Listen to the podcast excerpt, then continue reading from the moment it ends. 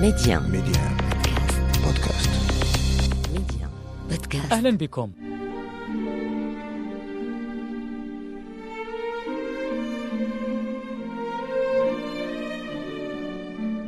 سقوط الإمبراطوريات يبدأ من الرأس. عبارة للمؤرخ البريطاني إدريان جولدسوورثي يمكن إسقاطها على مآل الممالك اليهودية القديمة التي سقطت بأيدي الإمبراطورية الأشورية بعدما تصارع ابناء الملك النبي سليمان عليه السلام على الحكم إثر وفاة والدهما. لتتشكل لاحقا مملكتان يهوديتان ضعيفتان مقارنة بمملكة والدهما الموحدة والقوية بصلاتها وعلاقاتها. تبعا لذلك وصلنا لما يعرف بالسبي البابلي لليهود. كانت هذه خلاصة العدد السابق من مكاشفتنا حول السبي البابلي وفي عدد اليوم نكمل الحديث عن بداية هذه المرحلة في التاريخ اليهودي وما لحقها من مراحل مع الدكتور مصطفى بوجمعة أستاذ علم الأديان بكلية أصول الدين بجامعة عبد الملك السعدي بمدينة تطوان.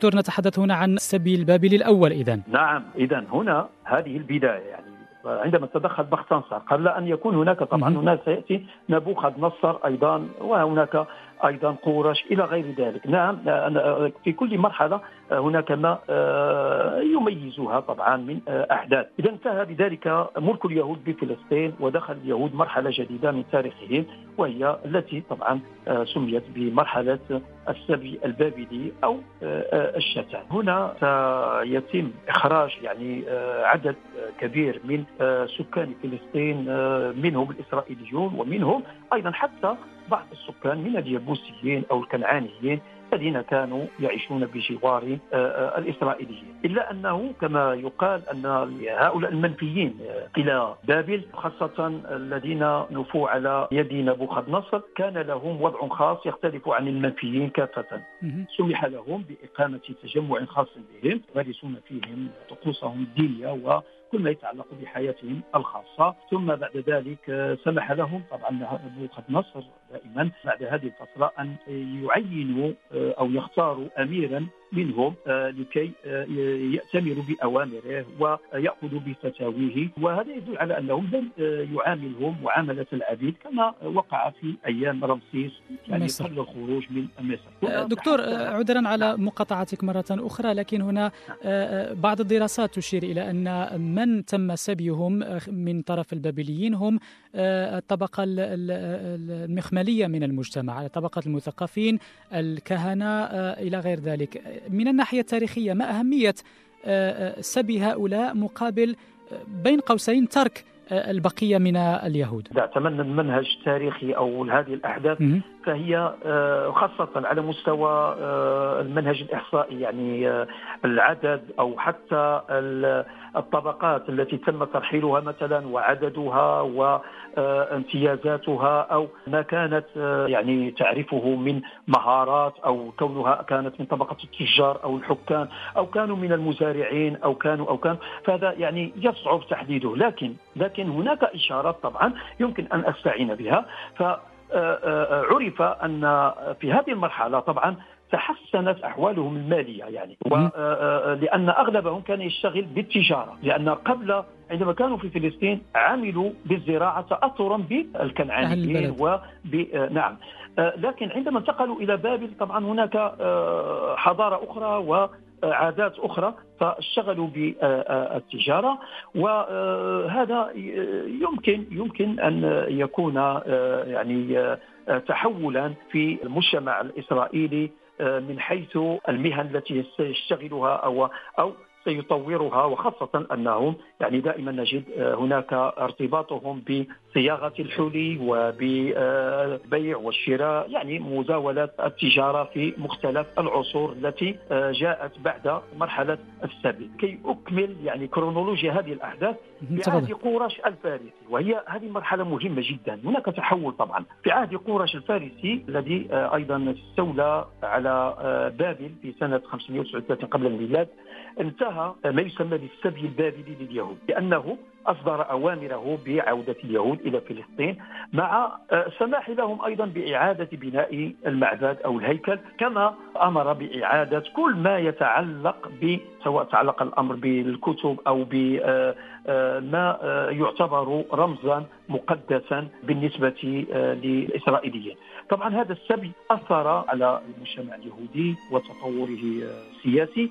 فهنا بدأ شكل جديد للمجتمع بعد يعني بعد العودة. من السبي تشكل مجتمع جديد لليهود يختلف إلى حد ما خاصة آه، وأن منذ هذا الوقت أصبح الحكم آه، يعني تيوقراطي دينيا تحت إشراف الكهنوت حيث أصبح هنا المنصب الكاهن الأعظم منصبا بارزا تم توارثه بين أجيال طبعا الكاهن الأعظم يترأس مجلس الستردين أو السنردين سنهردين أو سهنهدرين طبعا باعتباره يعني هذا المجلس مثل البرلمان يعني يعتبر جهازا تنفيذيا. اذا البعد الديني والبعد السياسي يعني متلازمان في هذه الفترة، اذا فاليهود آه، بعد عودتهم من السبي البابلي خضعوا وإن كان لهم استقلال داخلي في تسيير الشأن العام لكنهم ظلوا يخضعون طبعا آه، في فلسطين.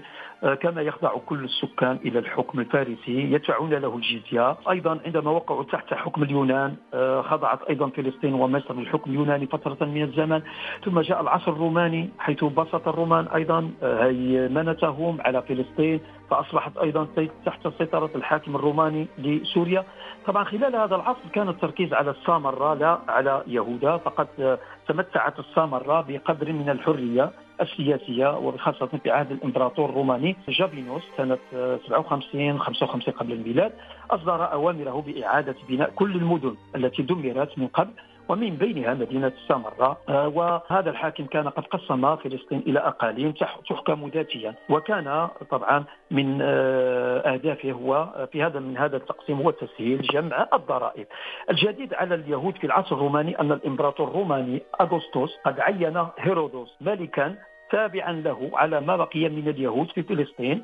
هذا الحاكم الملك هيرودوس آه، حكم من سنة 37 قبل الميلاد لغاية السنة الرابعة قبل الميلاد وقد وصفه الشعب استهجانا بأنه ملك نسف يهودي لافتقاره إلى الجذور الدينية. هيرودوس آه، كان ينتمي إلى اصل إلى أدوم إلى أصل أدومي. اعتنق الديانه اليهودية آه، لكن اليهود دائما آه، يعني يعتبرونه غير كامل في يهوديته فعدوه اجنبيا. وهيرودوس هذا هو الذي سيقتحم القدس سنة 37 قبل الميلاد بعد أن حكم أو أحكم عليها الحصار وقصفها بالمنجنيقات فتحطمت أسوارها وكان قد اتخذ من سامراء عاصمة له.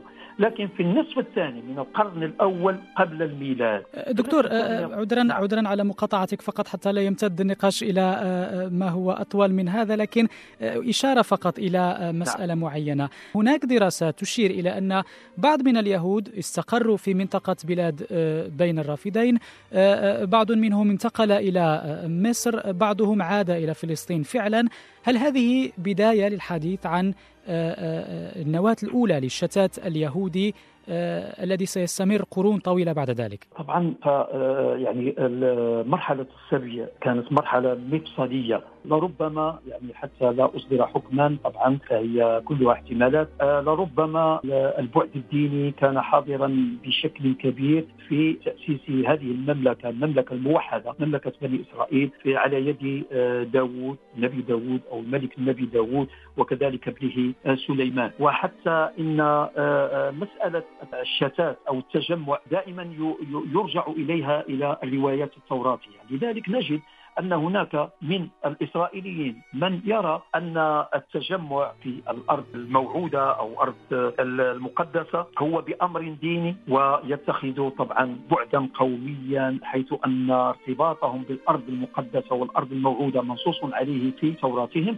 لكن هناك آه، من الإسرائيليين من لا يعتقد ومن لا يأخذ بهذا الموقف ويرى أن سنة الإسرائيليين في هذا العالم منذ ذلك الوقت أن يعيشوا مشتتين ومتفرقين في آه، مختلف الدول ومختلف بقاع العالم وذلك أيضا اعتمادا على بعض الروايات آه، التوراتية، لذلك كما ترى لا يمكن أن ننظر إلى هذا الموضوع بغطاء واحد. هو له غطاءان غطاء ديني بدافع سياسي أو قد يكون البعد السياسي يتم تبريره بالبعد الديني وأن المسألة العودة هي بأمر إلهي. هذا طيب.